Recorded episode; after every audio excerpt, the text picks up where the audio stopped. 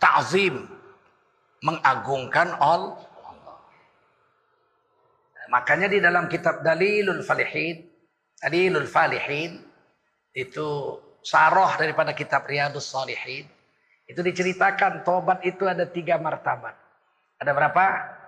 Tiga martabat. Pertama, man roja'a ilallahi ta'ala. Barang siapa yang tobat kepada Allah, khaufan min azabillah, takut diazab karena banyak dosanya, maka orang yang tobat karena takut diazab karena berdosa namanya taibun. Apa namanya? Taibun itu orang yang tobat, tobat dari dosa namanya taibun. Ada yang kedua man roja'a ilallahi ta'ala. Hayaan li jalalillah fahuwa munibun. Siapa yang tobat kepada Allah bukan karena berdosa, tapi karena malu. Malu sama Allah. Mulutnya bilang astagfirullahaladzim. Malunya lah aku. Tobat karena malu. Orangnya disebut munibun, bukan taibun. Di Quran ada munibun. Taibun pun ada juga. Atau bahasa taibun al-abidun. Orang tobat itu beda namanya taibun karena dosa. Munibun karena malu. Contoh. Ada seorang bapak kaya raya. Rumahnya mewah, mobilnya banyak, duitnya banyak. Sampai umur 55 tahun gak pernah tahajud. Setiap malam bangun, jam 1 bangun, kencing. Habis itu tidur lagi. Setiap malam istiqomah itu. Terus menerus setiap malam kencing, jam 1 tidur lagi. Gak pernah tahajud. Tapi sholat lima waktu dia buat. Tahajud gak pernah. Satu hari dia bangun mau buang air kecil. Di kamar mandi dalam kamarnya itu ada istrinya. Eh, kamu di dalam? Iya kata istrinya. Lama, lama bang. Oh ya udah, biar aku buang air kecil di kamar mandi luar aja. Dia keluar kamar mandi di dalam rumahnya tapi di ruangan lain. Lewat kamar anaknya. Buang air kecil ya. Selesai buang air kecil dia mau balik ke kamarnya lewat kamar anaknya. Anak laki-lakinya umur 13 tahun, belum akhir balik. Nangis-nangis tengah malam. Uh, uh, uh, uh, Ya, pucat dia. Aduh mak, anakku. Nangis-nangis, jangan-jangan putus cinta bunuh diri nih. Heran dia, kenapa anakku umur 13 tahun nangis-nangis tengah malam jam 1. Diintipnya dari lubang kunci.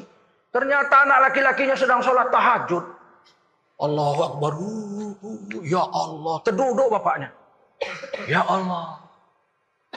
Malunya lah aku. 55 tahun umurku nggak pernah aku tahajud sekalipun. Anakku belum berdosa udah tahajud. Allah malunya lah aku. Dia pun bangun. Dia ambil wudhu di kamarnya. Dia pakai sarung, dia pakai baju tuluk belanga, dia pakai peci. Dia bentangkan sajadah. Pertama kali dia sholat. Umur 55 tahun sholat tahajud. Dia sholat nangis dari awal sampai habis. Nangis dia. Habis itu dia doa, ya Allah ampunkanlah aku ya Allah. 55 tahun umur hamba-hamba tak pernah sholat tahajud. Allah ampunlah ya Allah. Berapalah lalainya aku selama ini.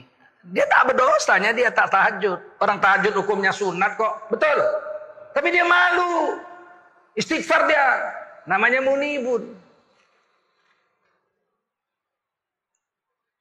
Yang ketiga kata Nabi, kata Imam Imam Dalilul Falihin itu. Ditulis juga dalam kitab Tanwirul Qulub. Ini keterangan ini. Man roja'a ilallahi ta'ala ta'ziman li jalalillah fahuwa awwabun. Siapa yang tobat kepada Allah, bukan karena berdosa, bukan karena malu, tapi karena besar kali Allah di hatinya. Terlalu agung Allah di hatinya. Sehingga kalau membayangkan keagungan Allah, mulutnya bicara. Astagfirullahaladzim. Inilah tobatnya nabi-nabi. Dia istighfar minta ampun sama Allah bukan karena berdosa, bukan karena malu, tapi karena mengagungkan Allah. Saya beri contoh. Orang Jawa bahasanya tiga. Ngoko, kromo, kromo inggil. Kalau bicara sama orang kawan-kawannya dia pakai ngoko aja. Man, Arab ngendi gue.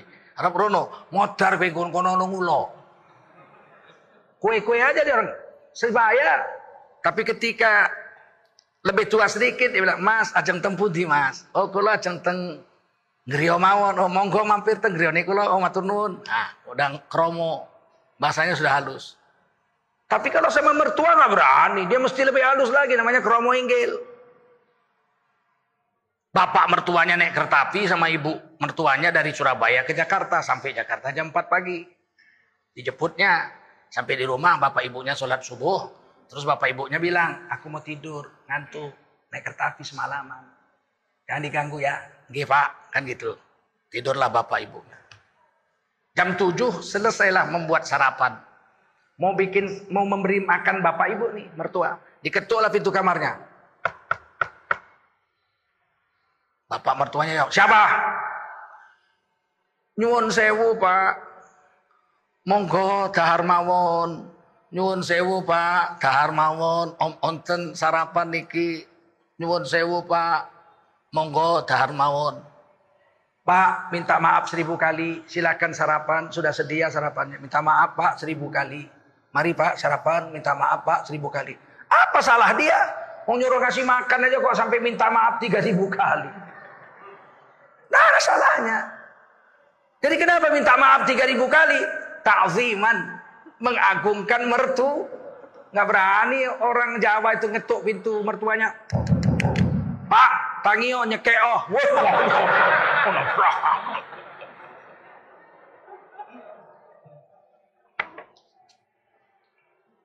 Paham? Paham?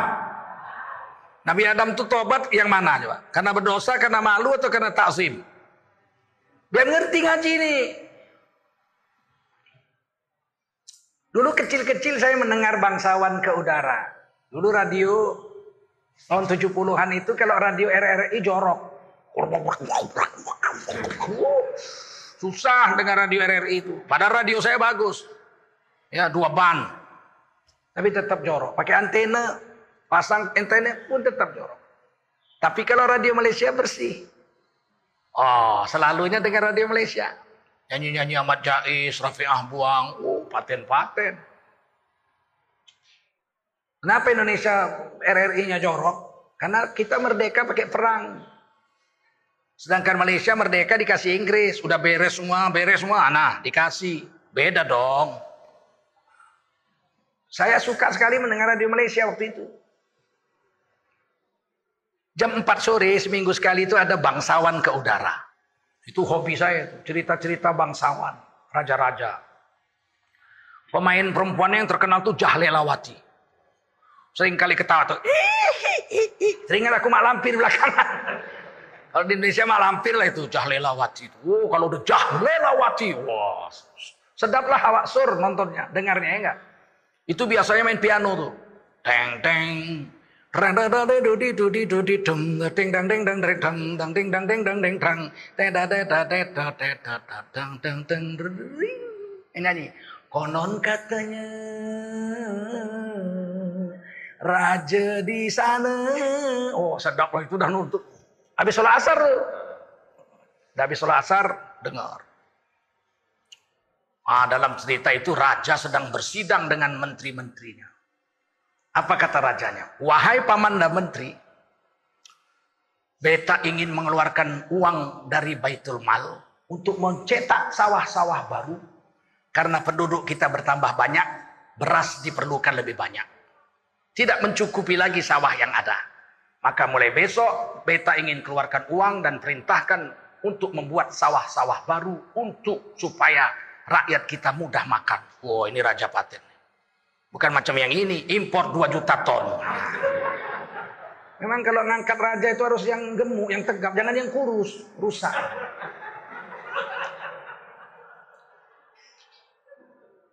Apa kata menterinya? Ampun tuanku, beribu-ribu ampun. Menurut hemat patik yang hina-dina ini, usul tuanku mencetak sawah baru adalah usul yang berlian.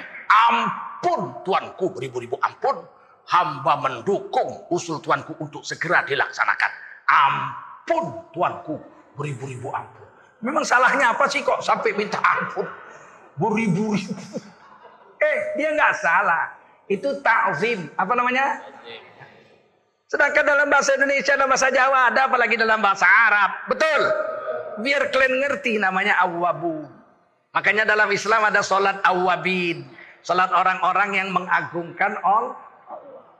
Sekarang saya tanya sekali lagi, Nabi Adam itu turun ke dunia terkutuk atau ter, terpuji? Terpuji. Hari turunnya hari yang terbaik. Dan satu lagi yang keempat. Hari Jumat itu hari wafatnya Nabi Adam.